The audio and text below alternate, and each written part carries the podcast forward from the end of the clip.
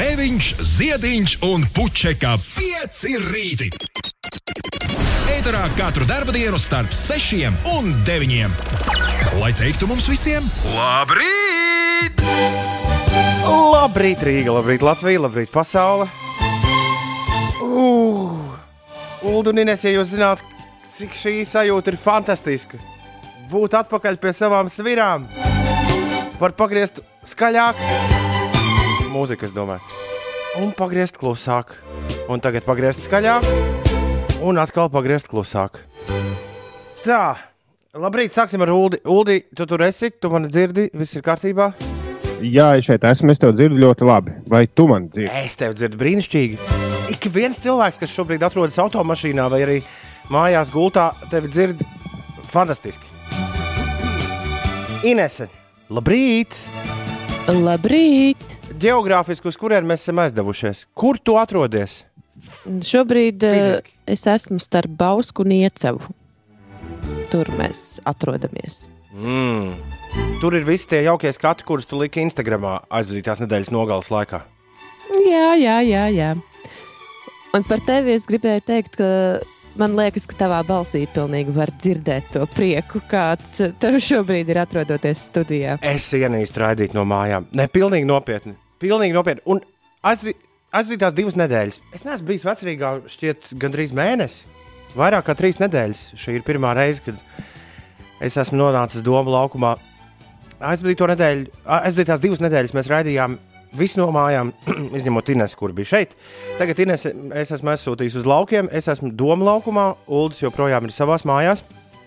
Un aizdīto Ja. divu nedēļu laikā vismaz kādus divus rītus man bija super drāmīgs garstāvoklis. Un, ja godīgi, tas ir izskaidrojams tikai ar to, ka vienīgā, vienīgā procedūra, kas man bija jāizdara no rīta pamostoties, bija jāaiziet uztaisīt siltu tēju, jāizvelkas apakaļ pie datora, jāapsēžas un jāgaida, kad mēs sāksim runāt. Bet eh, šorīt man atkal bija iespēja izbraukt ar riteni 30 minūšu garu braucienu. Tas bija varens brauciens. Zombiju apakalipse ir iestājusies. Tur nebija neviena, izņemot divus cilvēkus, kas skrēja pa Skansas ielas lielo, nu to, to tur skriešanas velo taciņu. Un tas arī viss. Automašīnas es varbūt kādas četras sastapu pa ceļam uz darbu. Kā tu sadzīvoji ar augstumu? Man, Tur nedaudz man uztraucāmies. patīk, Ines, ka Ulas par to ir uztraucies jau kopš vakardienas rīta, man šķiet. Es vienkārši atceros reizi tavu, uztraucās par tevi. es vienkārši atceros tavu principu, ka tev plus septiņi bija laiks, kad sāk braukt ar velospēdu. Un Inês vienmēr bija tā, kas teica, ka, nav, nu, ka, ka vajag apģērbties. seši. Ah, Plus- nē, ah, plus- plus septiņi. Okay. Jā, plus septiņi. Un uh, es ļoti uztraucos par to, jo, jo šobrīd saslimt būtu galīgi nu, nepareizi. Jo šobrīd man, mans tele telefons rāda mīnus trīs. Jā, tā ir nav vēja. Ah. Un, laikam pie tā arī paliksim. Nekad nav traucējuši grādi, traucē vējš. Ja būtu, Braucot, jau viņš sanāk pats no sevis. ja būtu tas tur lielais, lielais putenis bijis, tad būtu interesanti. Bet, ja ir cimdi, ja ir ziemas jaka, ja vēl ir džempers kārtīgs uzvilkts, tad vi viss ir kārtībā. Nu, skaidrs, tad viss labi. Ne, biksēm bija, bija, tāda, bija tāda sajūta, ka kāds ar nagliņām dursta bišķi, bišķi man kājas. Ja kaut kur bija augsts, tad augsts bija no, no tās tur vietas uz leju. Bet, eh, bet es esmu šeit, sveiks un, sveiks un vesels. Un, un tagad jāsāk mēģināt saprast, kas te notiek. Te ir Ulu, viss kaut kas mainījies. Ir divi jauni monitori studijā. Kāda nebija pēdējo reizi, kad es pametu šīs telpas pirms, pirms zināma nomainīti? laiciņa. Jā, Nomainīti vai nākuši klāt? Nē, ir pilnīgi jauni. Ir Pilnīgi jauni. Nu, nomainīt, jā, jā, jā. Jā. Vecie, Tas tāpēc, ka pagājušo nedēļu mēs piesolījām tur pliki pie tehniķa ierasties. Sabijās. À. Bet ne jau es nebiju gaidījis, ka vesels divas mums jaunas uzliks forši. Nu, re, uh, tas, ir, tas ir viens. Otrs ir reāli. Pazud, studijā ir pazudušas visas liekās lietas, kas te kādreiz bija. Nu, kaut kāda papīra, man nav ne jausmas, kur ir pildspalvas, kur ir, kur ir uh, zīmuļi. Viss Ja- izskatās tā labi dezinficēts. Ja, ja, tā, ja tā nopietni paskatās, tad milzu tīrība šeit ir. Man liekas, ka vai tik Ines nav divas nedēļas tur kārtojas katru rītu. Kā, kārtīgi, Jā, kā mīla. vajadzētu būt uz eh, tā galda, kur parasti mēs ar Ulu sēžam. Cik cak, cak, cak, cak, cak, cak. Katru rītu pa bišķiņam, un divu nedēļu laikā māja tīra. Tāds varētu būt sniegbaltītis. Loģiskais domu gājiens. Oh! Tā man ir līdzi savs dators, jo uz studijas datora es neko nevaru darīt, jo tur esat jūs abi divi, abi divi pieslēgti. Un uh, beidzot es tiku līdz izziņām. Tomu sildīja sajūta, ka būs darbā. Pat mīnus 9 grādos būtu silti, raksta ģirts. Ai. Ja būtu viss tā nauda, ģirts, kas guļ jūras dibenā, un ja man būtu mājās viss šī ieprikta, ar kuru pagriezt skaļāk, pagriezt klusāk, pagriezt skaļāk, un pagriezt klusāk. Tad droši vien, ka var arī mājās būt bišķi savādāka sajūta. Bet, bet Uldis man piekritīs, tas, nu, kā tu joprojām sēdi pie savas instalācijas, tur pie televizora. Kaut kad tu biji ielicis internetā, kā tev tur izskatās. Vi, visus savus ekrānus iededzis. Līdz galam tas nav radio. Nu, nav tā sajūta, kā nu, šeit studijā. Nu, katram savu iemeslu dēļ, bet nu, nav, protams, jā. Šorīt Linda raksta, ka viņai mašīnā rāda, ka ogres novadā ir mīnus 8 grādi. Brrr. Ir augsts, jā. Bet uh, šķiet, ka ar šo arī būs. Nu, jā, kaut kad jau tam visam ir jābeidzas. Nevar būt, ka šis būs mūžīgi. Pak, šis, bija tas trakais, šis bija tas trakais rīts, kuru mēs mēdzām saukt par visļaunāko rītu gadā, vai ne? Nu, Gan drīz, jā. Pirmā pirmdiena pēc tam, kad pulksteņi ir griezušies stundu uz priekšu. Tātad pirms nedēļas vēl šajā laikā bija 5 un 8 minūtes. jā tieši tā. Ārā ir tumšs. Tu biji tas, kurš teica, ka būs kaut kāda gaismiņa. Man liekas, ka Vienalga. tajā saules pusē viņi jau ir. Ārā ir rīktīgi. nevar aiziet pie loga paskatīties. Bet... Es, ska es skatos uz mūsu pagalmu, tur nevar redzēt vispār neko. Tur ir piķa melna tums šajā brīdī. Būs nepieciešams pāris nedēļas, lai šo kaut kā savestu, kaut cik savestu kārtībā.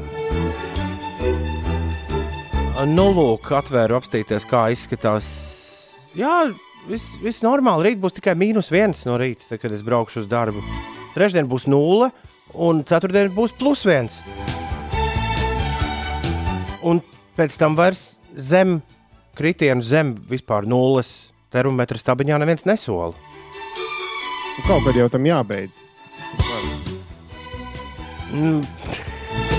No otras puses, ir tikai 30. marts. Ir bijuši gadi, kad šajā laikā ir kupenes, sniegi un, un, un, un šķiet, ka ziema nebeigsies nekad. un Tas pats var arī notikt aprīlī. Princam pat ir dziesma, sometimes it snows in April. Abi, jebkurā gadījumā neviens nav bez mums trījiem pamodies, un vēl bez dirta un lindas. Vispārējie čuči tā kā āpsīši savā salās.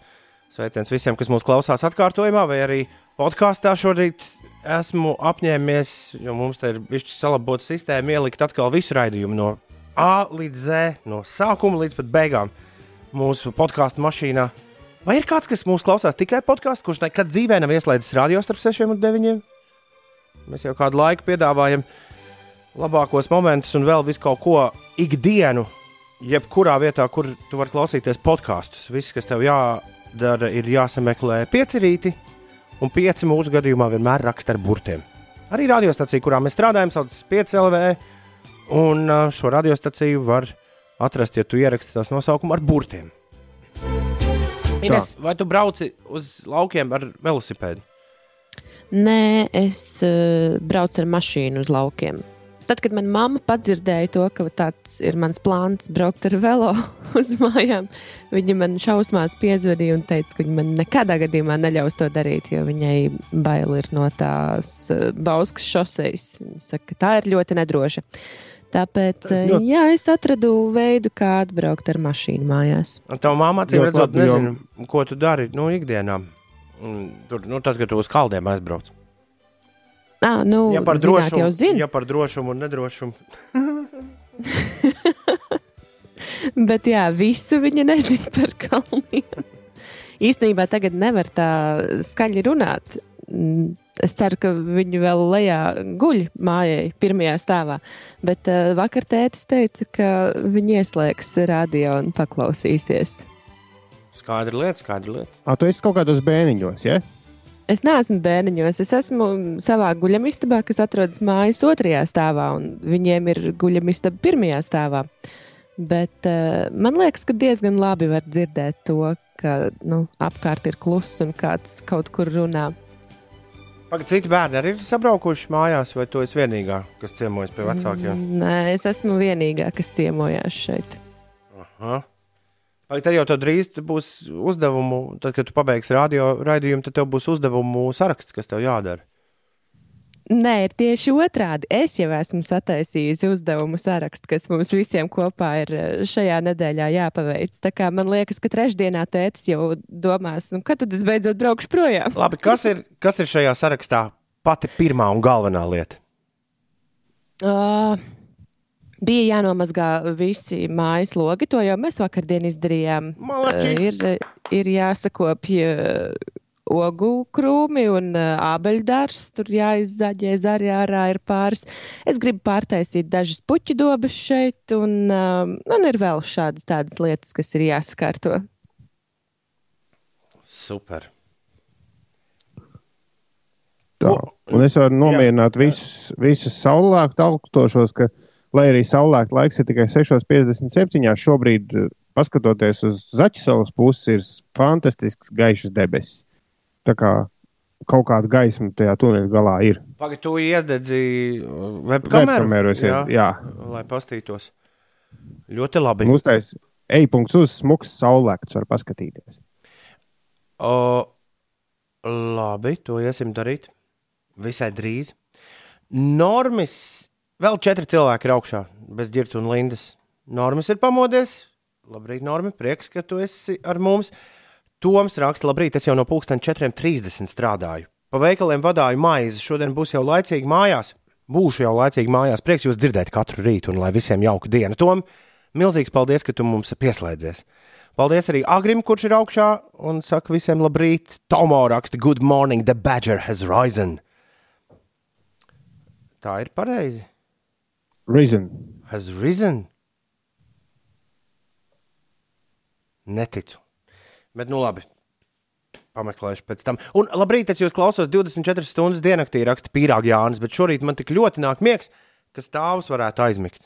O, es domāju, gan. Es domāju, gan. Bet šis pāries, šis pāries. Artūro ir pamodies, Dāvis ir ceļā uz Jālgavu, un, ja tu mūs dzirdi pirmo reizi mūžā, tad uh, šie visi cilvēki mūs sasniedz atrakstot īsiņu uz tālruņa numuru 2931, 202, 29, 31, 202. Ir 14 minūtes pārpusdienas sešiem, ceļamies, veļamies, sākam jaunu darba nedēļu. Tagad, tagad šis būs normāli. Kādu laiku būs sešos baigi tumšs, bet pēc tam būs atkal gaišs. Čau, Kristīne! O, jā, labi. Nu tad pat ejai, ko? Uldi, Ines, jums jau tur ir sataisīts viss krūzītājs. Jā, Man gan vēl nē. Un tad- Es atzīšos, mazliet aizgulējos. Par to tu pastāstīsi bišķi vēlāk. Tagad sākam muzikas šito te rīta rosmi. Ar, jā, tagad sākam vingrot un muziku liekam fonā. Pūce brauc uz darbu stundu ātrāk, cerībā, ka sabiedriskais nebūs pārpildīts. Un Gins raksta, labs rīts šajā pussniegotajā rītā. Kaut kur sniegt tiešām? Atrakstiet, ja jūs redzat reāli sniega pārslas. Līga un Toms arī jau augšā raksta Līga. Esam ceļā uz Rīgu un lai visiem fantastiska pirmdiena. Dāvis saka, ka vakar tilžā putināja, braucu kā zvaigžņu karos. Un Gins saka, ka Jēlgavā ir pabalts un viegli birdini, nonākot līdz Rīgai, gan vairs nekā. Kristiāns no Bauskas puses arī augšā. Brīnišķīgi! Ej, punkts uz slīpsvītra 55 dziesmas. Kamēr ir ārkārtējais stāvoklis Latvijā, katru dienu es jums piedāvāju playlist ar 55 dziesmām. Un šodien būs Ulu, paldies tev par ideju, dziesma par pulksteņiem un par laiku. Tas būs, tā būs playlist par pulksteņiem un par laiku. Dziesmas 55 tur būs. Un viena no pirmajām dziesmām šajā playlistē ir šī.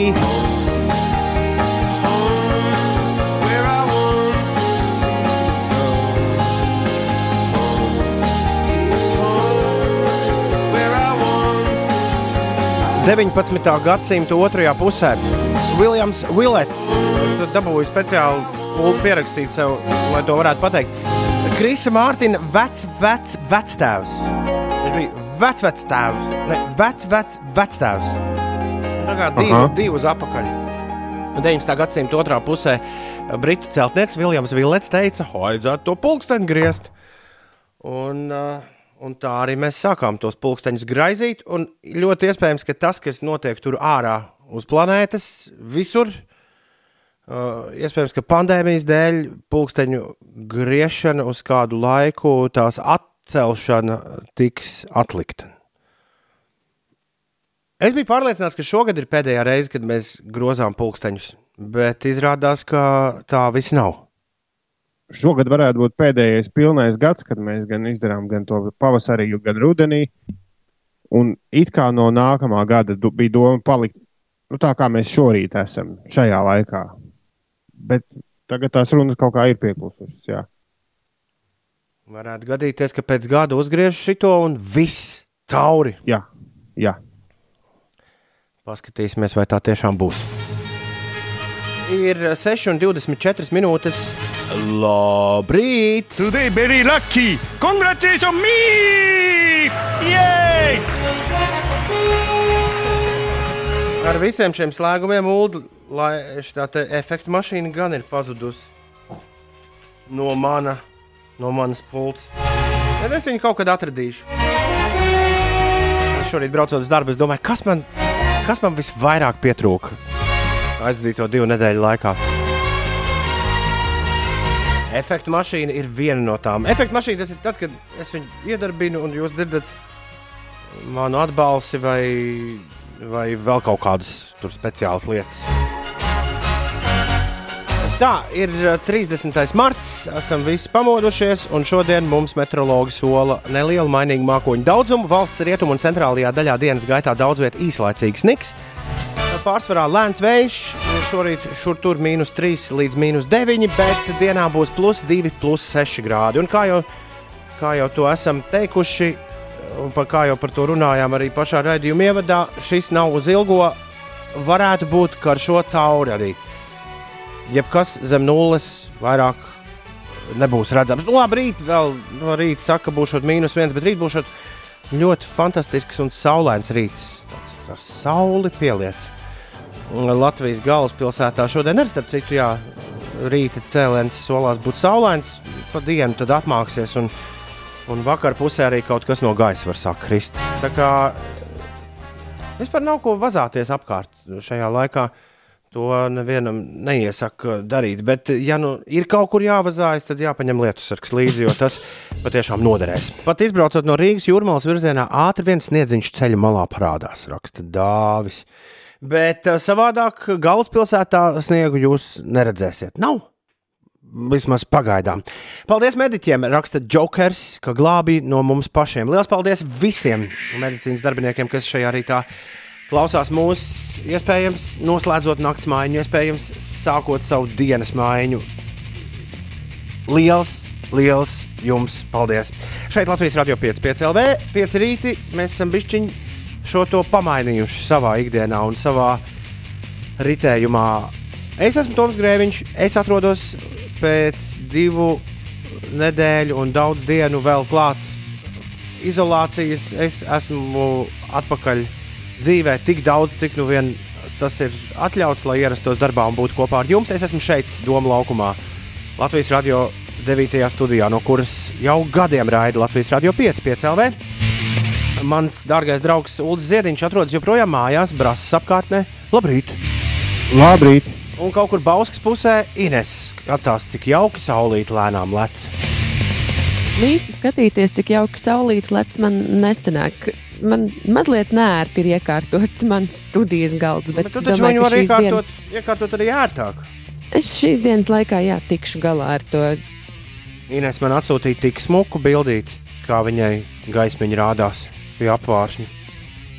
Man arī parādījās pēkšņi tā, tā it kā kāds būtu nospiedis nu, šo te eh, gaismas pogu ārā. Vienā brīdī pavēros no stūra, paskatos, o, ir gaišs. Klau, Uldi,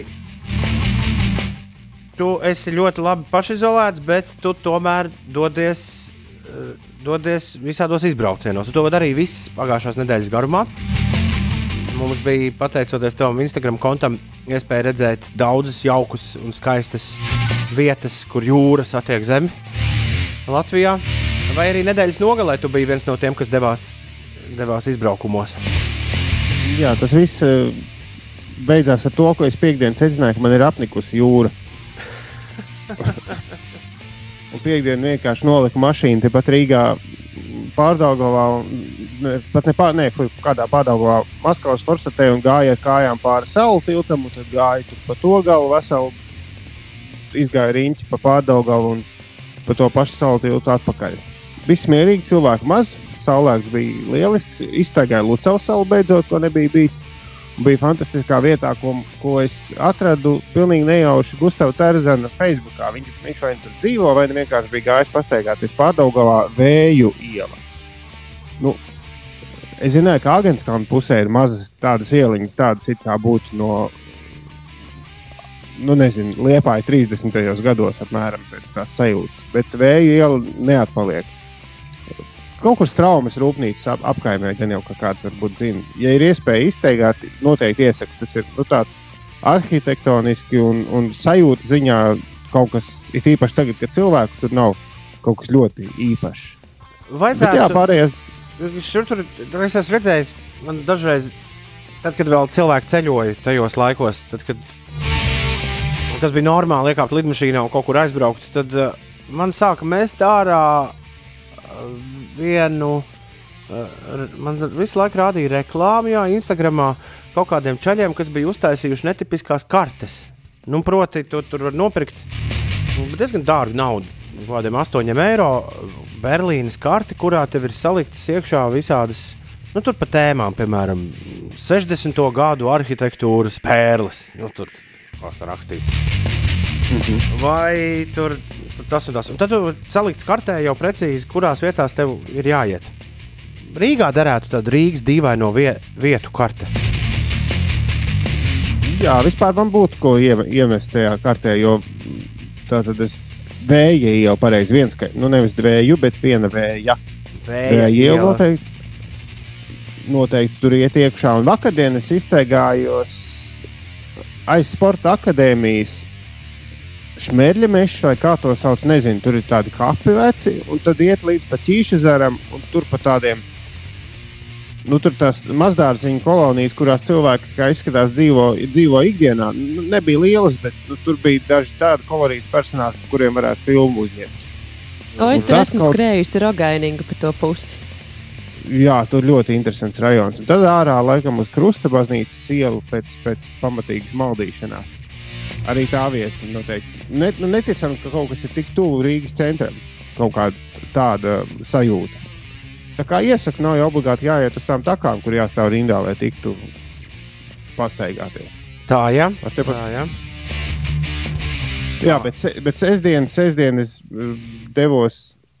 Šķiet, uz, likās, ka tur būs mazāk cilvēku. Devos uz, kur, uz, nu, uz rojas, uz angūras pusi.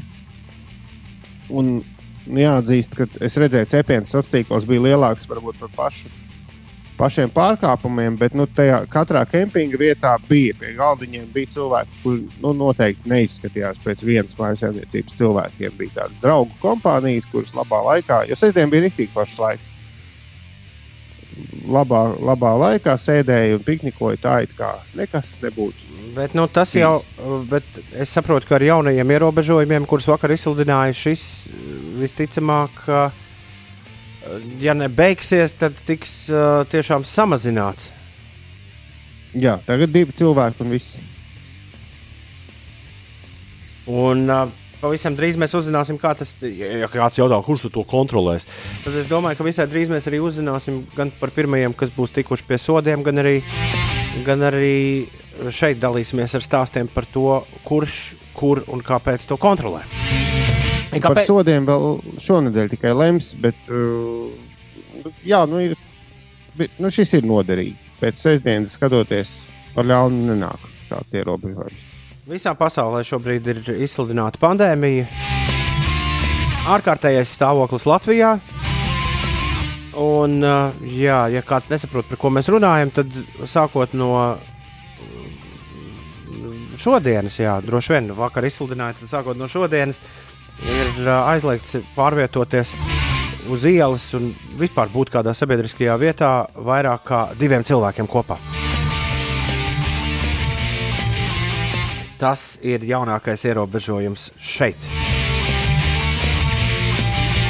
Nu, Es jau ir pavisam vienkārši, ja mēs klausīsim tam, ko mums saka, uh, saka cilvēki, kuri vada šo valsti. Ja mēs viņiem klausīsim, ja mēs darīsim tieši tā, kā uh, ir sacīts, kā jādara, tad nebūs jaunu ierobežojumu, un mums nebūs vēl ar kaut ko jāsmierinās.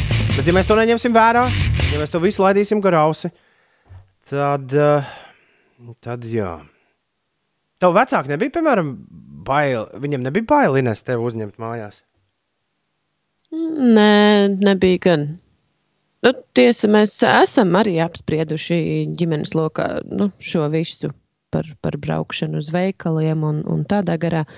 Bet uh, nē, nebaidījās viņi, ka es braucu mājās. Es biju tikai vienā veikalā ne, kopš savu brīvības laika sākuma.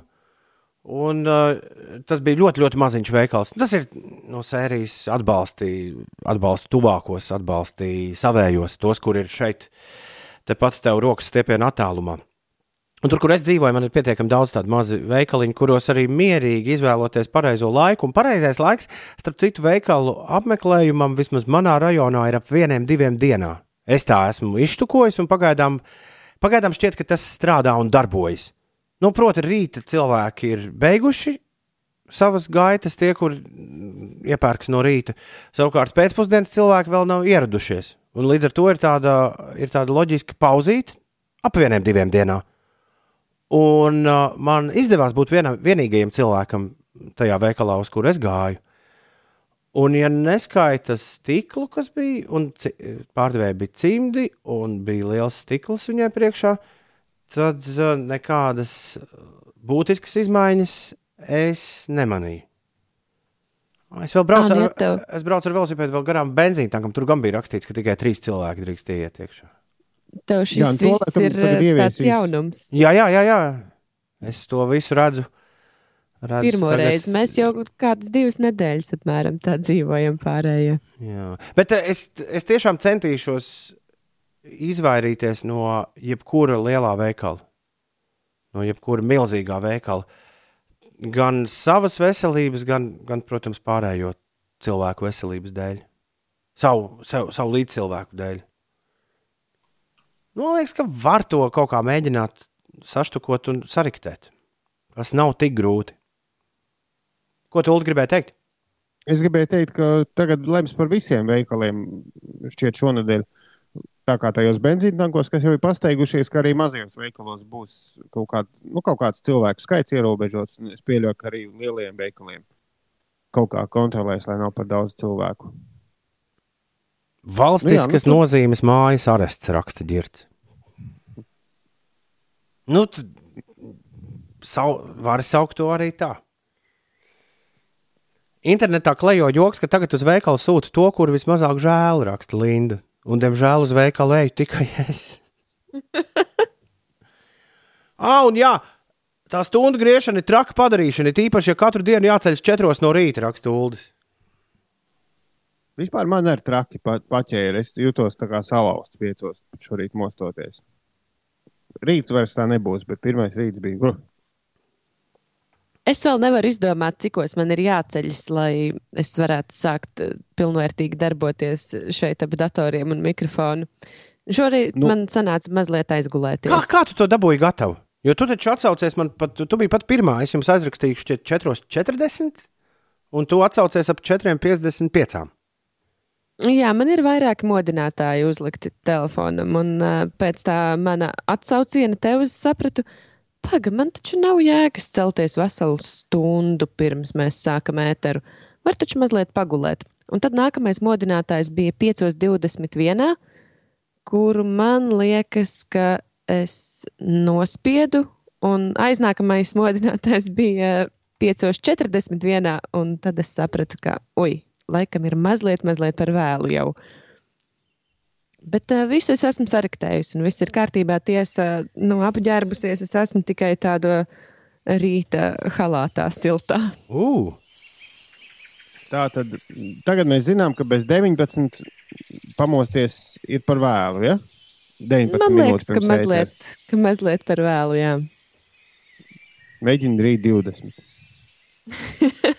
Tad varbūt sanāks laiks kafijai. Sestdien bija tausos ikrus apso, apsauļot. Vitamīns D un eklēru uz urā. Kaspars ir pamodies. Rīgas, Cilvēki gandrīz nesot bijis tur. jā, Rīgas ērce mums saka, ka svarīgi pieminēt arī, ka šie ierobežojumi neatiecas uz darba pienākumu veikšanu. Labi, lai tā būtu. Jā.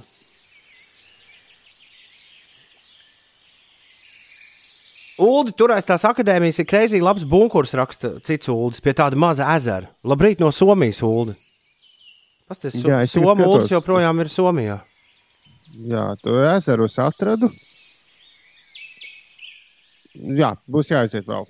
Paldies! Pirms nedēļas bija bez 3 minūtēm 6. Tagad ir 6,57. Sveiciens Jā, visiem, pareizi. visiem pulksteņgriezējiem. Ir pirmdiena, 30. marts. Labrīt, visapkārt. Raivo saka, ka var jau arī darbu bišķi nokavēt šodien tieši par vienu stundu. Nu, jautājums, vai kāds tiešām skatās šobrīd?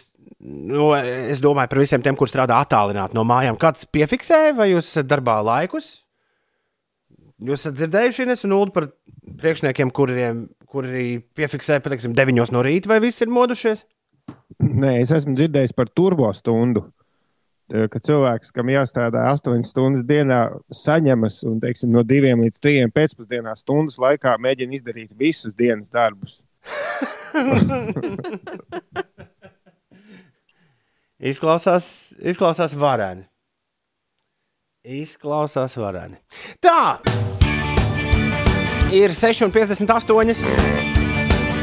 Grēviņš studijā, Ziediņš mājās, Ja? Inese laukos. Inese? Jā, jā tu tur esi? Bauskas pusē. Ļoti- Es esmu šeit. Ļoti labi. Tev ir jāizdomā, kā tu dzīvnieks dabūsi kaut kad ēterā. Tas ir tas, ko es visvairāk gaidu no tava izbrauciena uz Bauskas pusi. Jā, tas būs izaicinājums. Tev vienkārši ir jādabū kaut kādā veidā sevi telefonā, un tad ar telefonu tu vari aiziet līdz kūtiņai un, un, un nodemonstrēt mums savus zvērus. Cik, tu- cik jums zvēri ir? Nē, skaitījusi. Tas būs viens no darbiem, kas tev šonadēļ būs jāizdara. Labrīt visiem! Ir pirmdiena, 30. mārciņa Latvijas Rādio 5,5 LV. 5 rītī, starp 6 un 9. Arī ārkārtējā stāvoklī joprojām nemainīgi kopā ar jums. Paldies, ka klausāties! Mans juniors cēlās visu laiku, iepriekšējās divas nedēļas, kopš es raidīju no mājām. Juniors Edvins Grēviņš, trīsgadnieks, cēlās pulksten sešos no rīta. Es apsveicu visus vecākus ar to, ka vismaz uh, trīsgadnieki tagad mostas stundu vēlāk. Nu, droši vien, ka šobrīd viņš sāk dīdīties un, un, un, un, un pieprasīt sev brokastis un visu pārējo darīt. Ir 6 minūtes pār 7, ir pirmdiena, 30. marts, skan Latvijas radio 5,5 LV. Es esmu nonācis studijā. Mani sauc Toms Grēviņš. Labrīt, Ulris Ziediņš atrodas mājās, brāzas apkārtnē. Labrīt, Uldi! Labrīt! Un Ines Pučeka ir laukos Bauskas pusē.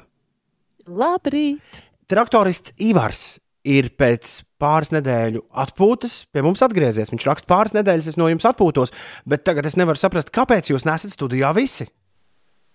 Redzīju, var 2009. gada nogalē Ķīnā, Uhaņas pilsētā.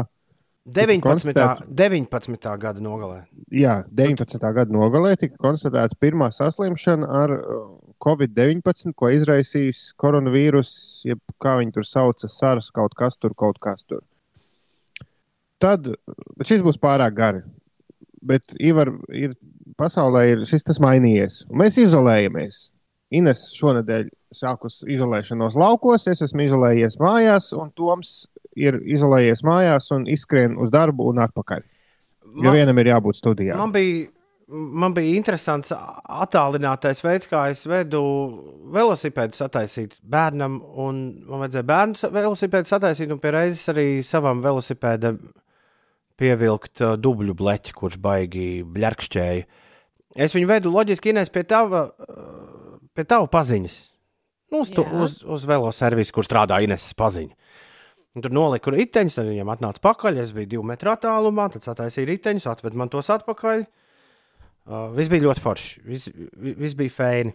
Bet uh, nu, tur vēl bija pāris ļaudis, kas arī bija atbraukuši. Tad mēs tur sanāk, gaidījām pie darbnīcas ārā, visi vi- divu metru attālumā, viens no otra. Loģiski, nu, tādā gaidīšanā, ko tad darīs papļāpās. Un uh, daudziem ļoti, in, nu, cik nu daudziem, tiem pāris cilvēkiem diezgan interesanti šķita tas, ka mums, un kas tur ir interesants, tā tas vienkārši ir. Mums šeit, savā uzņēmumā, Latvijas radio, ir savi noteikumi. Un noteikumi paredz, ka šeit, 9. studijā, drīkst atrasties tikai viens cilvēks. Viens cilvēks. Un pie tam tikai divreiz diennaktī. Un nesatiekoties. Proti, šeit var atrasties viens cilvēks no 6 līdz 9, un viens cilvēks no 5 līdz 8. Tad, kad uh, Magnusam ir jābrauc, jūs visi jāved mājās. Un jārunā ar Rafaelu Ciekuru katru dienu par to, kas jauns medicīnas nozarē. Nu, lūk, un iepriekšējās divas nedēļas Ines bija tā, kas šeit šiverējās. Tagad ir Inesai pienācis laiks arī izbaudīt, kā tas ir. It kā tu esi radio ēterā, bet arī pat laikā tev ir iespēja šmokt pie vecākiem uz brokastīm. Jā, Cikos viņi brokasto? uh, nezinu, kā kuru reizi. Tad, kad viņi brokasto, viņi man ir sūtījuši ziņas, ka viņi klausās mani radio, bet uh, tagad es neesmu dzirdējis, ka kāds būtu pamodies. Droši vien arī tā viena stundiņa, kas ir pulkstenī pagriezta uz priekšu, ietekmējusi arī viņu rītu. Es jūtos fantastiski. Mani pagrieztais, pagrieztā stunda vispār nekādā veidā nav ietekmējusi. Es, un es, es man ir arī tam skaidrojums. Pirmo reizi manā mūžā man ir kaut kāds ritms. Nu, šobrīd, šajos, šajos apstākļos, Tā kā visai dienai. visai nedēļai, no pirmdienas līdz piekdienai, es aizēju gulēt, tikos, cikos aizēju gulēt, ceļos, tikos, cikos man ir jāceļas. Piektdienas un sestdienas naktī es izguļos. Bez, nekā, bez nekādiem pārtraukumiem, bez nekādiem pārāvumiem. Cilvēkiem, kuri nodarbojas ar to, ar ko es nodarbojos, tas līdz šim nebija iespējams. Hmm. Nu kā, nu, Pieradīsi.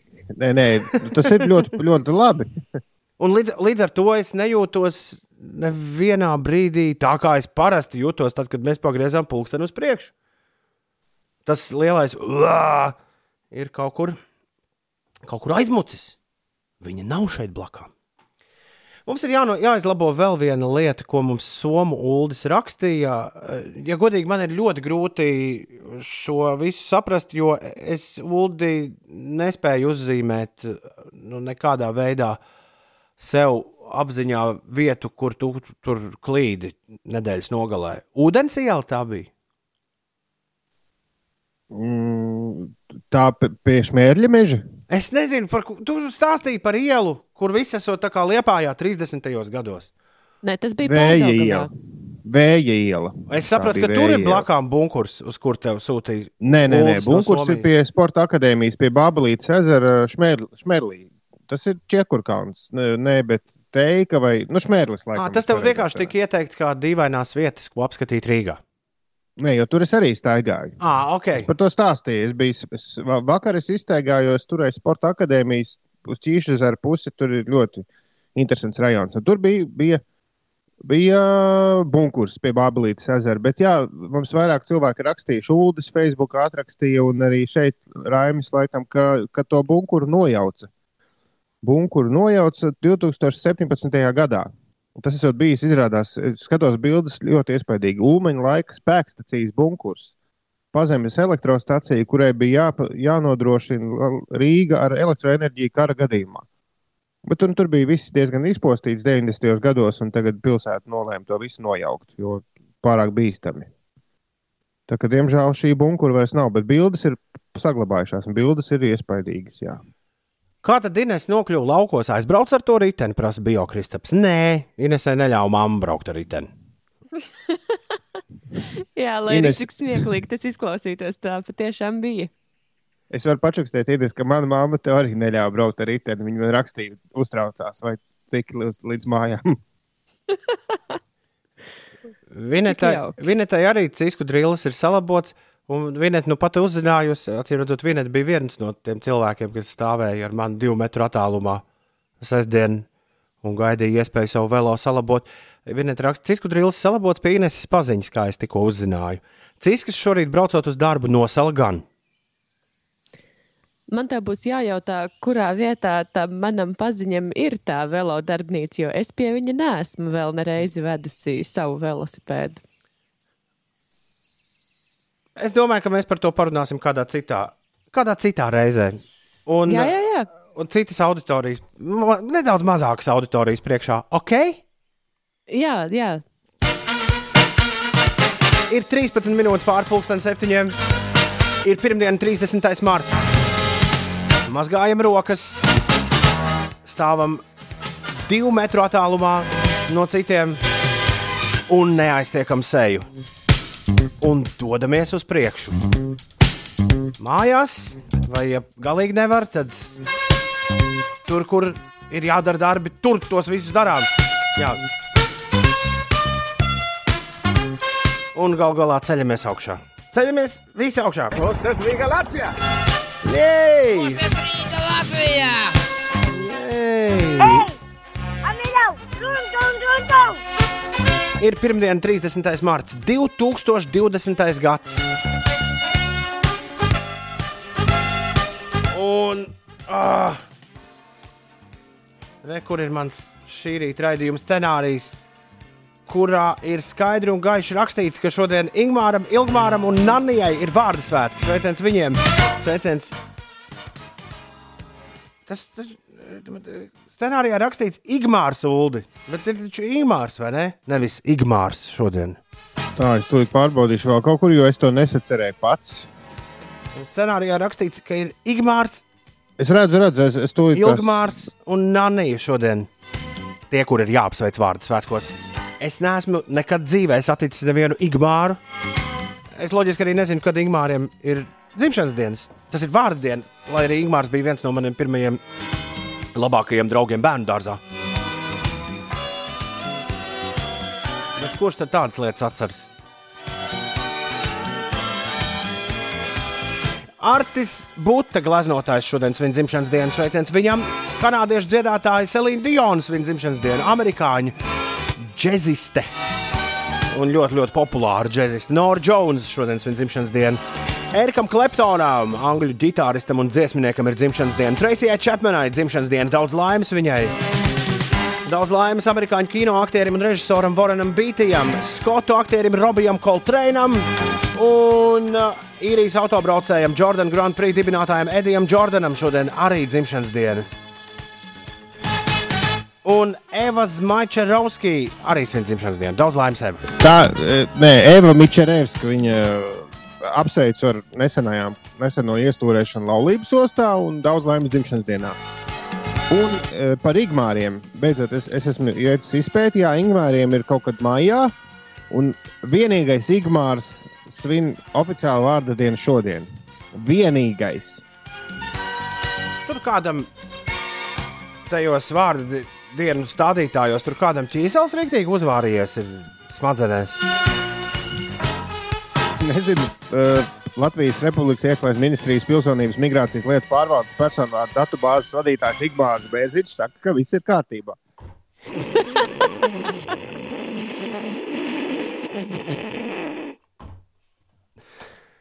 Lieliski. Parasti šajā raidījumā, tad, kad uh, nebija planēta nonākusi pandēmijas varā, tad, kad nebija ārkārtējais stāvoklis Latvijā, tad uh, mēs runājam par to, ko darīt šonadēļ. Bet uh, tas darīt ir, uh, jā, tas darīt ir visai pārvērties, jo it īpaši, kas attiecas uz mm, Parasti mēs tur runājām tieši par pasākumiem, par, par kaut kādu kopā sanākšanu, par teātris izrādēm, kinofilmām. Tas viss ir pārcēlies tikai un vienīgi uz mājām, un tas viss ir pārcēlies virtuālajā vidē. Un, uh, ko darīt šonadēļ? Saturu jūs varat atrast, man šķiet, jebkurā sociālajā tīklā, to atverot vienkārši vaļā un skatoties, kas tur notiek. Tur jau tādā pat mirklī būs kaut kāds saturs. Visoriģinālākais, ko es redzēju, bija kāda britu dziesminiece, kas sestdien no rīta pēc Anglijas laika tad sanāca ap pulksten pieciem koncertēju. Viņa bija izdomājusi, ka nenāk miegs, ieslēgšu Instagram un paspēlēšu, paspēlēšu dziesmas priekšā. Nu jau ir tāda sajūta man, Ulu un Ines, ka Instagramā mūziķi spēlēja koncertus 24 stundas diennaktī, non-stopā. Jā, un tam visam vairs nav iespēja. Es esmu zaudējis cerības, ka varētu visam izsekot līdzi. Līdz ar to šobrīd ļoti mācos vienkārši palaist un, un nu, neuztraukties par kaut ko, ko, ko, no, ko nokavēju. Jo ir teātris izrādes, revidents, ja ir tie vecais, bija jānoskatās šajā nedēļas nogalē, nesanāca laiks. Vēl visādas vecas teātris izrādes rādu, un daudzām no tām ir ierobežots laiks, ko tās ir pieejamas. Kur tās var dabūt? Revidents arī nokavēju. Bet kur var dabūt citas teātris izrādes? Man šķiet, ka LSM, es, es sekoju teātrim, Twitterī, un viņi tur parasti ieliek, ieliek visu. Gan teātris, Nacionālais teātris, gan JRT, JRT apakšsvītra LV. Nu, var sakot, meklēja teātru sociālo tīklu lapās, un tur, tur parasti tiek ielikts, kas, kas un kur ir redzams. Skaidrs. Tu pagūni noskatīties revidentu, Ines? Nē, diemžēl to es vēl neesmu paspējusi izdarīt. Vispār laukos šajās dienās nav bijis uh, vaļas vispār uh, ieslēgt datoru vai dzīvoties sociālajos tīklos. Es vakar arī pārliecinājos par to, ka, ja tu sāc kaut ko darīt, tad uh, vairs laika nu, visam šim, par ko mēs šobrīd runājam, laika vairs vispār nav. Es, uh, es vakar saliku, stāvēju kādu pusgadu vai pat vairāk atvests no Zviedru veikala plašu plaukts, jauns, milzīgs. Tad nu vakar ar kaimiņu kopā to stutējām, stutējām kopā. Un pašiem šķiet, ka ļoti ātri to izdarījām, bet tad, kad es paskatījos pulkstenī, tad šķiet bija pagājušas kādas trīs ar pus stundas. No operācijas sākuma līdz operācijas beigām. Girts ir noskatījies par mani un tevi, Ines, arī revidentu, jo viņš esot pagūs noskatīties divreiz, kamēr uzlika atslēdziņu atkal video virsū. Ļoti labi. Jā. Nekas būs vēl, būs vēl jauns teātris izrādes, ticiet man. Cerēsim.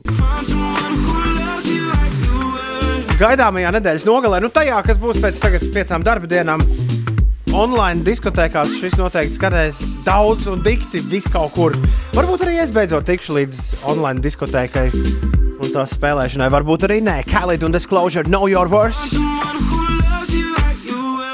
Mūsu galvenā diskotēka ir katru piekdienas vakaru, pulksten 19. kad Magnus spēlē diskotēku dzīvajā šeit, Latvijas Rādio 5,5 LV ēterā, un kopš pagājušās piekdienas arī Instagramā. Ir 7,44. Labrīt, visapkārt! Man ir tehniķis nozūmējis efektu mašīna, bet tehniķim jāparādās darbā ir pēc minūtēm 15. Un tad ceru, ka pēc nedēļas es varēšu atkal ar lielu efektu teikt, Ines geogrāfijas spēle. Pagaidām man tas ir. Pagaidām man tas ir. Jāefekto bez mazliet nu, tieši tāpat, kā mēs to darījām iepriekšējās divas nedēļas. Ines geogrāfijas spēle. Tagad būs. Es varu pamēģināt ar savu efektu mašīnu. Aiziet, uztais. Ineses geogrāfijas spēle. Nē, es ko labi. Ne. Lieliski. Nē, šis, bija, šis bija lielisks. Šis bija lielisks. Uztaisi efektu pats. Ines geogrāfijas spēle mēs tagad spēlējam. Ines uzdod piecus jautājumus. Mēs ar Uldi ļoti godīgi pierakstām tos jautājumus, iztukojam atbildes un uh, nu, tad sniedzam tās atbildes, kuras ir diezgan nepareizas bieži vien. Lai neteiktu vairāk. Jā, ši, šī spēle varētu būt arī tāda uh, pagrūtāka. O, paldies! liekas, salīdzinājumā ar pagājušo. Pal- Paldies! Jau, jau iepriekš saku, Par bal- paldies. Par bauskas un iecēlus apriņķi viss. Nē, nē, nē, nē. Šoreiz gan ir eh, tādi pasaules jautājumi vairāk. Šauj vaļā! Aiziet, pirmais jautājums. Nosauciet pasaulē sausāko tūkstnesi, kurā līst vismazāk lietus. Yes, labi. Otrais jautājums. Upe Ķīnā, kuras burtiskais nosaukuma tulkojums ir dzeltenā upe, un tās ūdens arī izskatās dzeltenīgā krāsā. Kā sauc šo upi? Ok, trešais jautājums. Kas ir meteora? Okay. Uh, bet es ceru, ka jūs dzirdējāt trešo jautājumu pareizi. Kas ir meteora? Meteora. Jā, Jā, labi. ceturtais jautājums. Laumiņu baseini jeb fairy pools. Kur tie atrodas? Okay. Un uh, pēdējais jautājums. Kurai valstī pieder Lieldienu salas?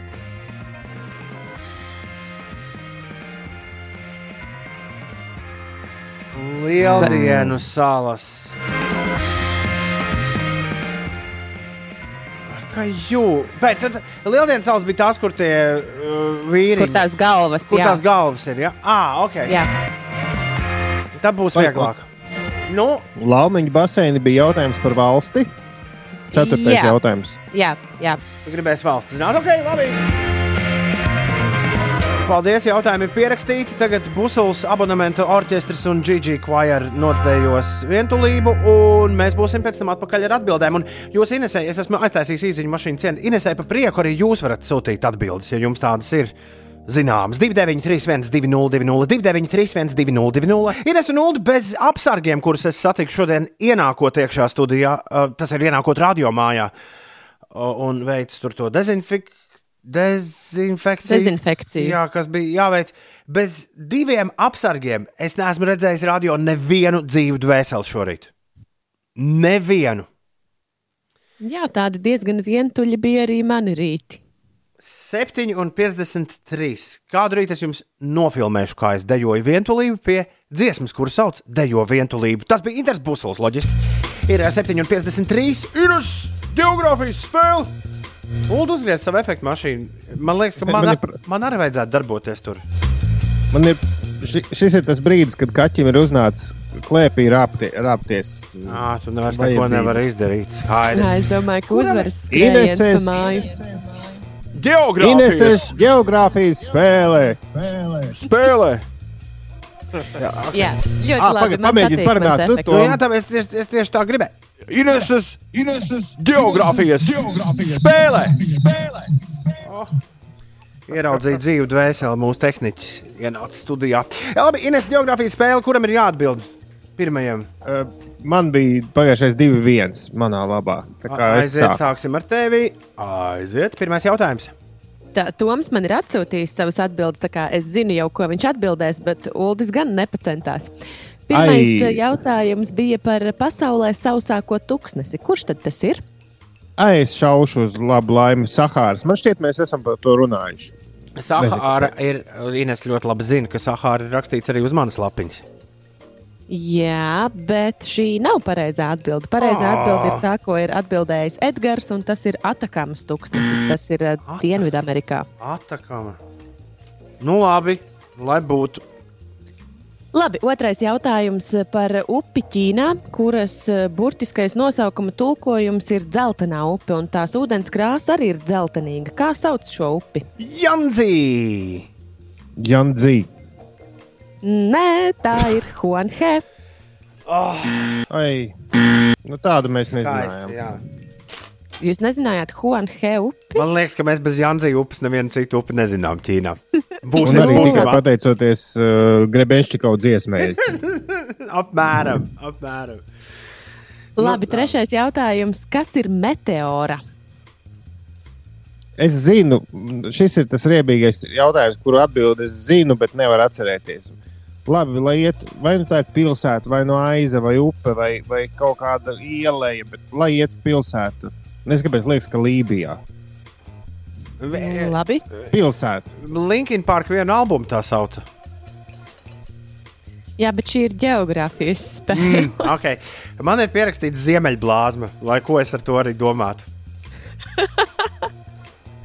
Nebūs nevienam, ne otram pareizi. Tā ir, eh, tas ir kalnu veidojums Grieķijas centrālajā daļā, un tur ir um, vairāki, vairāki klosteri šajā reģionā. un Tas ir Ah. viens no UNESCO pasaules mantojuma objektiem. Kur viņi uz tādiem tā kā stabiem ir? Jā, jā, īstenībā Jā. ļoti skaista vieta. Es eh, par šo vietu pirmo reizi arī uzzināju tikai tagad, geogrāfijas spēlē gatavojoties. Okay. Nu jau jāsāk štukot, vai Ulu mums kāds punkts vispār šodien būs. Nu, Es domāju, ka būs. tikai Labi. veiksmes gadījumā. Ceturtais jautājums par laumiņu baseiniem, jeb ferry pools. Kur tie atrodas? Kurā Kaut kur, valstī? kur cilvēki angliski runā, loģiski. Es saku, ka Lielbritānijā. Es pat teiktu, ka bāzes apkārtnē varētu būt fairy pools. Uldi. Man ir divas atbildes - Skotija un Īrija. Un, ja Toms saka Lielbritānija, tad es saku Īrija. Skaidrs, zini, ka īrija. Nē, pirmā atbilde man bija Skotija. Bet es negribu, lai mums ar to ir saprotams. Nu, nu, labi, es palieku pie Skotijas. Nē, nu, Tad Skotija. Ja, Skotija bija oriģināli tava pirmā atbilde. jā, man ir pierakstīta tikai Skotija. Nu, nu, Nu, šķiet, ka nu, es nu. varētu ieskaitīt jums abiem diviem, jo Skotija jau ir Lielbritānijas uh, nu, sastāvā. Ir, ir. Bet, nu, jā, tāpēc es bet- gribēju nomainīt uz īriju, lai, lai nebūtu mums, uh, lai būtu nu, Nu, Viss normāli, viens, viens. Nu, Bet jā, es skaitu jums abiem diviem, ka ir pareizi. Un piektais jautājums bija par Lieldienu salām. Kurai valstī tās pieder? Nu, Uldi. Labi, lai iet Portugāla. Man šķiet, Portugāla nebūs noteikti. Man šķiet, ka es vienreiz pētīju tos trīs restorānus, kas tur ir uz vietas. No, ar domu, ka, ja mēs uz turieni aizbrauktu, kur mēs pēstu, mums kaut, ka, kaut kad mēs esam no rītiem ar šito ņēmušies. Un man šķiet, ka visas cenas bija dolāros, tāpēc es saku, ka Amerikas Savienotās valstis. Mm, nu, mani pētījumi aizveda līdz Čīlei. Wow! Nē, šitā. Jā, Šitā nē. Čīlei! Jā, Forši! bet uh, nu, vismaz viens, uh, viens punkts jums ir. Tas ir labi. Nu, tas ir labāk nekā nekas. Jā. Tas ir labāk nekā nekas. Oi, nu paldies tev, Ines. Kā klausītājiem gāja? Klausītājiem, eh, jā, mums bija divi klausītāji, kas teica, Edgars un Zinters, ka Lieldienu salas pieder Čīlei, un Edgars arī pareizi atbildēja uz jautājumu par tūkstnesi. Un Edgars at- arī atbildēs, ka Laumiņu ezeri ir mežā.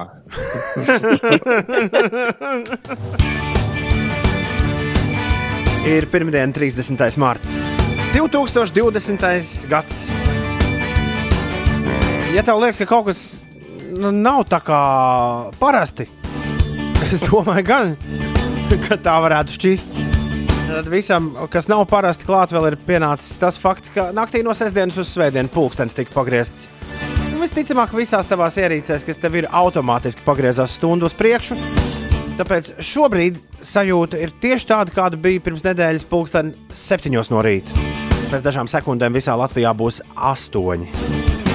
Tu klausies Latvijas Rādio 5, 5 LV. Šis ir raidījums 5 rītā. Es esmu Toms Grēviņš, es esmu Latvijas Rādio 9. studijā atgriezies pēc karantīnas un izolēšanās. Uldis Ziediņš atrodas savā mājās. Čau, Uldī! Čau, čau, čau. un Inês ir Bauskas pusē, laukos. Labrīt, Inesē! Labrīt, labrīt! Ja jums mums kas sakāms, atrakstiet 293, 202, 293, 202. Labrīt! Ir 6 minūtes pārpusdienas, 8. ir pirmdiena, 30. marts, skan Latvijas radio 5, 5 LV. Šeit 5 rītī, Grēviņš, Ziediņš un Puķakā. Uzmini, nu, kurš ir studijā un kurš ir attālināti. Jā, to jūs spēlējat paši pie, pie radioaparātiem. Bet uh, Ulas bija nedēļas nogalē kaut kur, s- es tā dzirdēju, vakar vakarā salasījies, ka cilvēki, kur ir atgriezušies mājās Latvijā no ārzemēm, u, tu kaut ko lasīji, ka kāda dāma rakstīja par to, kā nu viņi svinēs to brīdi, kad šī karantīna būs galā. Nē, tas bija uh, to uh, Twitterī bija mūsu kolēģi Evija Junām. Bija atbildējusi, vai tā es tikko atradu. Jā, viņa bija, viņa redzējusi, viņa bija redzējusi televīzijā. Par, par, jā, par kundzi, kas sēž izolācijā pēc atgriešanās no Itālijas, un viņa priecīgi stāsta, kā apciemos draudzenes pēc karantīnas un ar kūkām atzīmēs brīvību. Nu, tātad pēc šīm divām nedēļām. Un uh, Evija uzdod ļoti labu jautājumu, vai, vai tā daudzi nav gadījumā iedomājušies, ka divas nedēļas tu nosēdi, nu, tie, kas te, teiksim, no ārzemēm atbraukuši, un pēc tam var iet, uh, iet dzīvē, iet draugos un tā tālāk. Ka- ka tās div... Ar tām, Jā, ar tām divas- divām nedēļām nekas nebeidzas. Divas nedēļas ir obligātā pašizolācija. Jā, tā nav gluži karantīna. Karantīna ir tiem, kas ir saslimuši. Ah, un, un kam ir viegli. viegli. Jo es, es prasīju tam manai paziņai, kas atbrauc no Austrālijas, un arī šobrīd sēž dzīvoklī un neiet nekur ārā.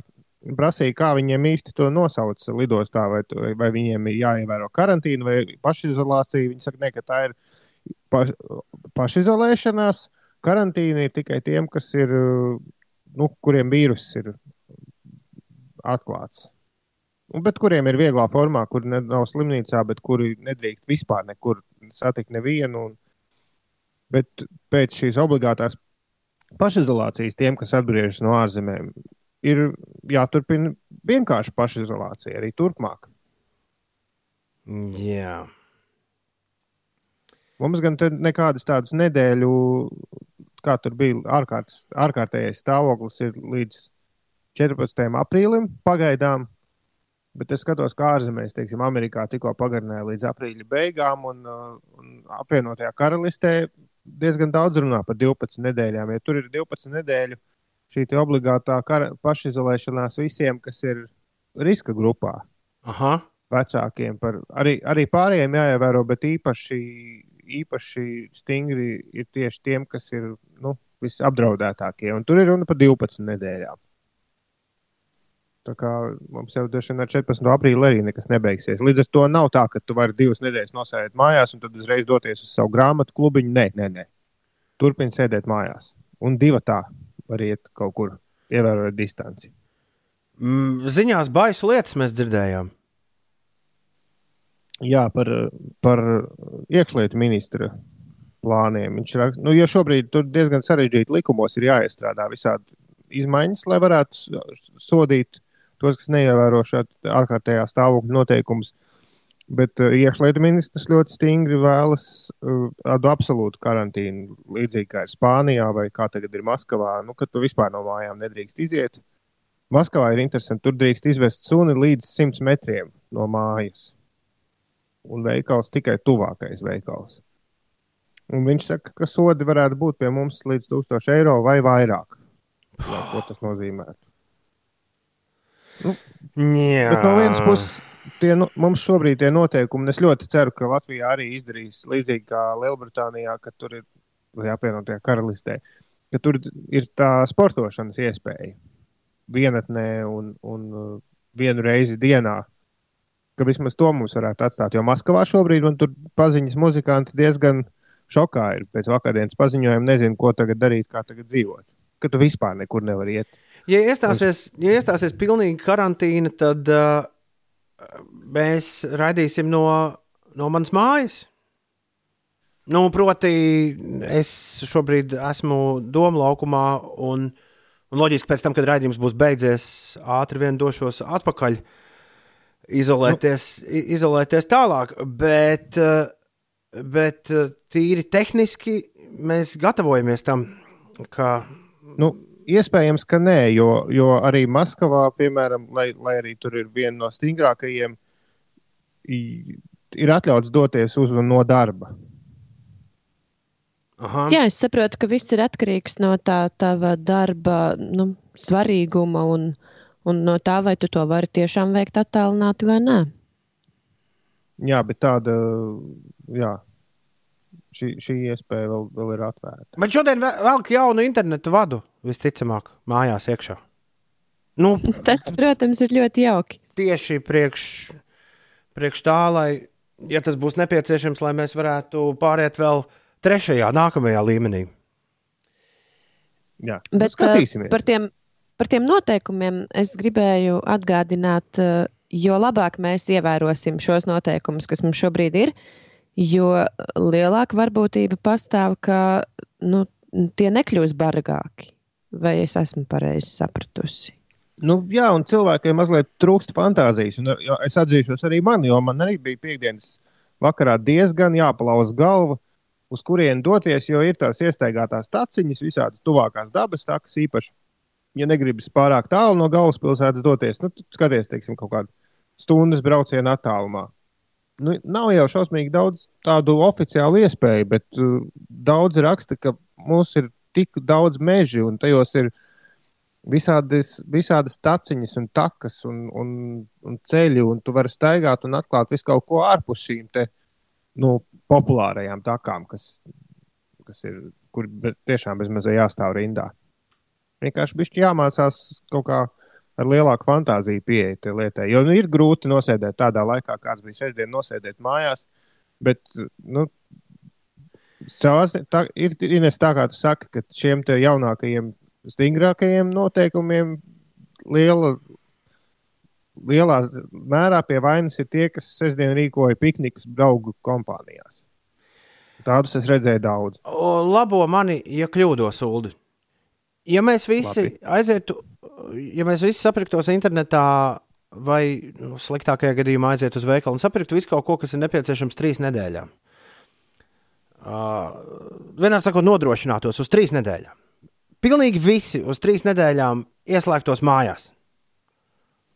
Un vai pēc tam mēs neiznāktu vietā, kurā vairs nav bīstami uzturēties? Hmm. Nu, es domāju, ka, ka tas tik ātri nenotiek. Nē. Nu, respektīvi, nu kā, nu, jo- šis vīrus jau ir, un, un uh, tie, kas ir atklātie gadījumi, nu, tas reālais skaits jau ir. Nu, nu, daži tā piesardzīgi rēķina, ka varētu būt līdz kādām desmit reizēm vairāk. Tie, kas nemaz nezina, ka ir šis vīrus, nu, jo mēs jau varam atklāt tikai tos, ko testējam. Jā. Un līdz ar to tas, tas ka tu visi iesēžat savos dzīvokļos, un ne, neviens nekur neiet, tas nenozīmē, ka kaut kur tas drāņķis nepārvietojas. Es viens ārzemju leitnāju šaus tieši ar, ar Amerikas doktoru par šo diskutēju, vai, vai tā varētu, vai nevarētu. Nu, ka vienkārši viss ieslēdzas un nekur neiet, bet nu, tas nav tik, tik vienkārši. Un pie tam pēc tam tu iznāc ārā, un tas var atgriezties ar vēl lielāku jaudu. Pamazām, mierīgi. Elpojam lēnām. Un mazgājam rokas, neaiztiekam seju un lēnām sākam domāt par brokastīm. Tie, kuri, protams, vēl brokastīm nav ķērušies klāt. Ir 15 minūtes pāri astoņiem, ir pirmdiena, 30. marts. Labrīt! Cēlies augšā! Today very lucky. Congratulations me! Pēdējā pirmdiena 2020. gada martā ir sākusies. Atvainojos, tev ir pierādījumi. Man ir. Uh, Vari parādīt? Nē, nerādi. Man ir viens pierādījums, pierādījums runājot par vārdu svētkiem un par uh, gaviļnieku vienīgo, kuram šodien ir vārda diena. Viņš tiešām strādā. Un tur, kur tu teici, kur viņš strādā? Nē, nē, es jokoju. À, tas bija Tas joks. bija 1. aprīļa joks mazliet ātrāk. Nu, Toms ta- uzķērās. Lai kādam nebūtu jātina kasete uz atpakaļ veselu stundu, Ulu, ko tu teici iepriekšreiz, kad es Igmāru sveicu vārdu svētkos? Mēs secinājām, Mēs ka ir disku- tikai viens Igmārs Latvijā. Jā, Latvijā ir tikai viens Igmārs, un, un es devos pētīt uz personu vārdu datu bāzi, vai tiešām viņam ir vārdu diena šodien oficiāli. Un jā, vienīgajam Igmāram šodien ir vārdu diena. Nevis Ingmāram, bet Igmāram. Igmāram. Nu, jā, un tad, tad es teicu, ka šīs personu vārdu datu bāzes vadītājs Igmārs Bērziņš neredz tur nekādu problēmu. Igmārs, Ilgmārs un Nannijas svin vārdu svētkus sveiciens viņiem. Glaznotājam Artim Butem daudz laimes dzimšanas dienā. Šodien Selīnai Dionai, tā tantei, kas dziedāja Titanikā galveno dziesmu, viņai ir dzimšanas diena. Norai Jonesai ir dzimšanas diena. Erikam Kleptonam, angļu ģitāristam un dziesminiekam daudz laimes. Tracijai Chapmanai šodien dzimšanas diena. You got a fast car. Voranam Beatijam, amerikāņu kino aktierim un režisoram daudz laimes. Skotu aktieris Robijs Coltrane's svin dzimšanas dienu. Nezinu, nevienu. Man nenāk prātā ne, nekas izdzirdot Robiju Coltrane. Viņš bija, viņš ir visādās Bonda filmās bijis. Viņš bija Pottera filmā uh, Hagrids, tas lielais. Ah! Tas tad ir, Es ska tu- tas tad ir Tā skaidrs. uzreiz vajadzēja. Teikt. Hagridam ir dzimšanas diena šodien. Edijam Jordanam, tas, kurš ir uh, īru autobraucējs un tas, kurš ir uh, Jordan Grand Prix dibinājis. Hagridam, Robijam Coltraneam bija brīnišķīga loma kopā ar Pythonu, Monty Pythonu, uh, šito te. Uh, Džeku, bēgošās mūķenes, kur viņi pa mūķenēm jā, abi divi. pareizi. Super! Un Elai Mičerevskai daudz laimes dzimšanas dienā. Eva. Lai viss pa pirmo ir 18 minūtes pār 8. Pirms ķeries klāt brokastīm, nomazgā rokas. Ines un Uldis sveiciens jums no Beķera Raimonda. Viņš raksta, viss ok, kā parasti cepu maizi, taisu rēķinu, krauju mašīnu, lai šoferis var doties savā maršrutā pa piparbolītēm. Un žēl, protams, ka mūsu draugi daži restorāni un burgernīcas ir cieti. Apnicis jau. Dzīvosim, redzēsim. Lai forša nedēļa! Paldies, Beķera Raimonda! Veiksmi darbos! Paldies! Es apēdīšu maizi tev par godu pēc Čau, raidījuma. kāda. eterbiedri, etera cilvēki. Rekur attālināts Volfs ir ieradies. Artis Volfs savu auto mazgā vidēji trīs reizes gadā. Taču valsts svarīgāko hitparādi Latvijas top 40 viņš vada 52 reizes gadā. Latvijas top 40. Svētdienās, 5. pēcpusdienā, 5 LV. Labrīt, labrīt, labrīt, pieci rīta. Tjārts Volfs un vakar Latvijas top 42. reizi notika no mājām. Pirmais desmitnieks izskatās šādi. Latvijas top 40. Desmit. Uz leju par septiņām pozīcijām St. John Roses. Deviņi. Vietas saglabājas Luis Capaldi ar Before You Go. Astoņi. Nejauc man Plus sešas pozīcijas Amināti un Nejauc man prātu. septiņi. Vietu saglabājusi Halsey ar You Should Be Sad. Seši. Vietu saglabājusi arī Lady Gaga ar Stupid Love. Pieci. Vietu saglabājusi arī Dua Lipa ar Physical. Četri. Vietu saglabājusi arī Dua Lipa ar Don't Start Now, joprojām 4. pozīcijā. Trīs. Mīnus viena pozīcija Billie Eilish ar Everything I Wanted.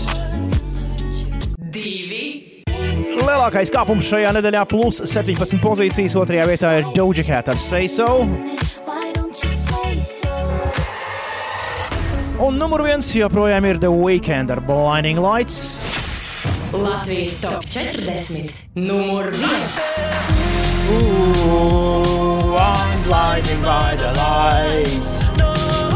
The Weekend, Blinding Lights. Oh. Latvija gandrīz palicās. Ir numur viens Latvijā. kārtējo reizi. Pirms maza mirkļa The Weekend iznāca pilns albums. Jauns, to sauc After Hours, un esot dikti labs. Tā kā kādā brīdī droši ņemat un sev nospēlējat to no A līdz Z. Blinding Lights tikmēr ir numur viens Latvijā vēl vienu nedēļu. Un Arts Valsts spēlē Latvijas top 40 katru svētdienu no 5 līdz 8 vakarā, arī šajos apstākļos.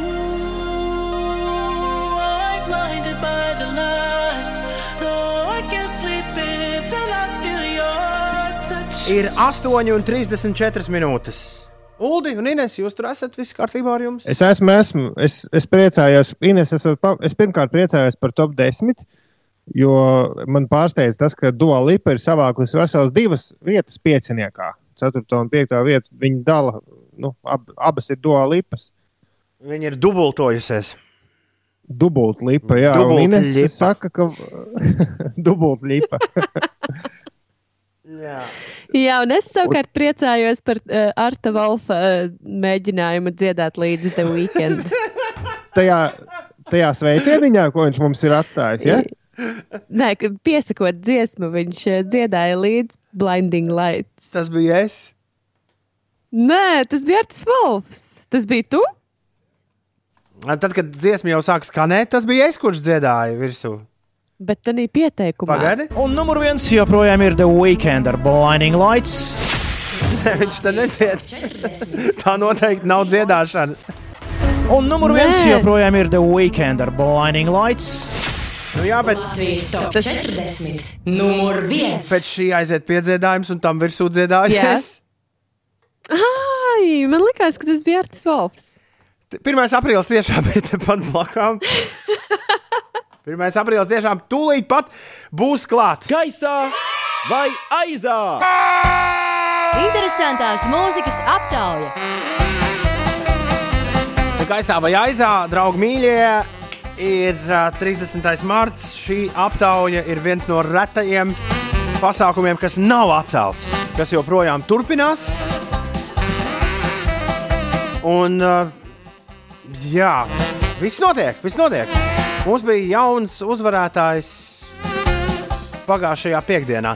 Ulu, tu esi kaut kādu statistiku savilcis kopā, vai tev ir zināms, kas šobrīd ir sezonas līderis ar, ar, ar kaut kādām uzvarām? Ja nav, tad saka, ka nav. un Nav, nav, nav. Tad uz rītdienu lūdzu, ja uztais Jā. kaut kādu kopsavilkumu, pierakstu sev.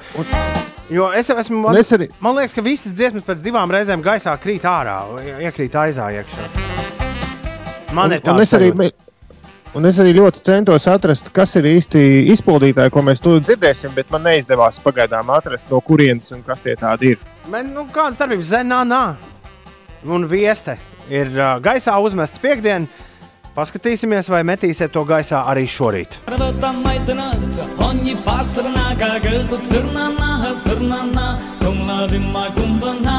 майданат, они пасрнака, гълту църнана, църнана, кумла дима кумбана. Смарвата матна теле ладжи ства балумела, църнана, църнана, кумла дима кумбана. Cirnanā, cirnanā, zenanā, viestē, gaisā vai aizā. Viss ok, raksta mums buksis. Tikai jāmācās būs attālināti, bet man šķiet, ka krievu valodas skolotāji par mums aizmirsa, neko neuzdeva. Es sveicinu Inesi, lai viss čotkās. Ines, rekur tev sveiciens Paldies! Lai veicas arī ar to krievu valodu. Var jābūt, ka var eh, pats mājās pamācīties. Nevajag jau obligāti sagaidīt, kad skolotāji atsūta kaut ko. Kas ir tas, ko mēs tagad klausīsimies, Uldi? Iesūtītājs ir Elvis. Vai Elvis īsti nevar saprast? Un tas ir mums jau, mums jau pazīstams dziesminieks, kurš bija šķiet aizpagājušajā gaisā vai aizā ar dziesmu Latvijas stundā. Tad varbūt tas bija aptaujā zelta strunts? Nu, kaut kur. Varbūt kaut tas kur. ir. Nu, katrā ziņā senākie klausītāji viņu atpazīs. Ainārs Ašaks, jeb dziedošais salotētis, radio ziņu vīrs un kas tik vēl ne. Viņš ir dziedošais Un viņš... jūrnieks. Viņš izstāsta pēc jūrnieka tajos video klipos, kuros viņš dzied. Jā, arī šajā viņš ir jūrnieka tērpā. Tas gan ir samiksēts video, bet uh, viņš dzied uh, šoreiz nevis latviešu dziesmu, bet viņš dzied vai vismaz mēģina dziedāt angliski. Paldies Elvim vai Elvisam par iesūtījumu. Aiziet, pazīstam melodiju. Ainārs Ašaks. If I can't help falling in love with you. Varēni. Speak English, Šuldi. English. As a English, please. Man ļoti Jā. patīk tā vieta, kur bekvokāli aiziet uz uh, citu tekstu nekā viņš. Bet viņš spēj. Tas jau bija. Tas jau bija, vai tūlīt būs? Bija, bija, bet nu tur tā. To nepamanīju. Es to nepamanīju. Ainārs Ašaks vienmēr sakot, ar Can Help Falling in Love savu versiju par šo. Pret viestes.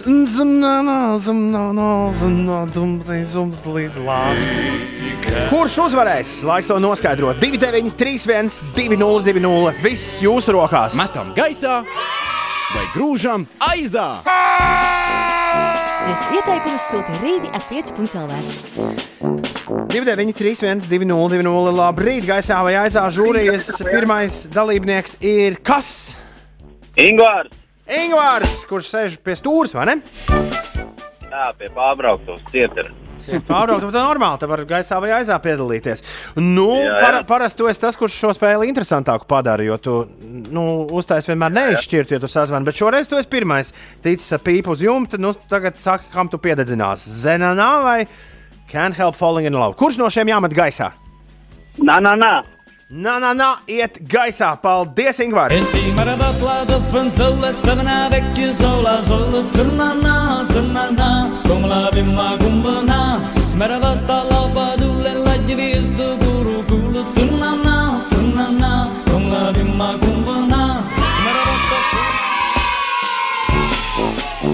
Zunana, zunana. Labrīt, radio! Halo, šeit pieci rītī. Kā tevi sauc un ko tu dari? Hei, man! O, čau, Gunčā! Tu esi labi noizolējies. Čau no Pāvilostas. Šito misteru Ašaku Jā. dziedāsim pēc divām nedēļām, ka katrs sēdēs savā mājā un vispār nevarēs iet laukā. Bet kamēr var iet laukā, mēs joprojām pliki dejosim to dzimumā.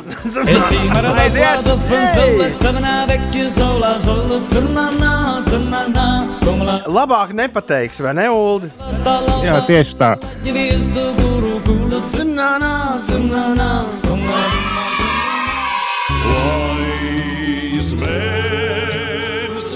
Cik ātri atnāca, tik ātri arī iet prom. Čau, tā! Ainār, tiekamies kādā citā sezonā. Nu, šitā! Gaisā vai aizā beidzies? Vienos vārtos ar divi pret nulli šajā rītā. Cik var lidināties cilvēks, kāds raksta? Sen jau vajadzēja slēgt gaisa satiksmi un nodrošināt dzīvošanu tiem, kas palikuši citās valstīs. Nu, tas jau nav tik vienkārši. Jo neviens jau nezina, cik ilgi, cik ilgi viss šis turpināsies cilvēku kādā. Vai ne, Uldi un Ines? Nu, jā, un, un, un nu, tagad mums arī kāds no rīta rakstīja, ka, ka tur ceļotāji pie visa vainīgi. Bet tad š... visu laiku esam ceļojuši, un, un nu, nevar cilvēkiem pārmest, ka viņi vēl pirms dažiem mēnešiem darīja to, ko mēs visi laiku pa laikam darām. Un skaidrs, ka, tam- ja tu esi tajā Argentīnā, tev gribas nu, mājās kaut kādā veidā nokļūt. Bez tam bieži vien cilvēki ir ārpus valsts ne jau tikai tāpēc, ka gribas paceļot, bet ir eh, arī ar darba lietām saistīti braucieni. Mm. 8,54.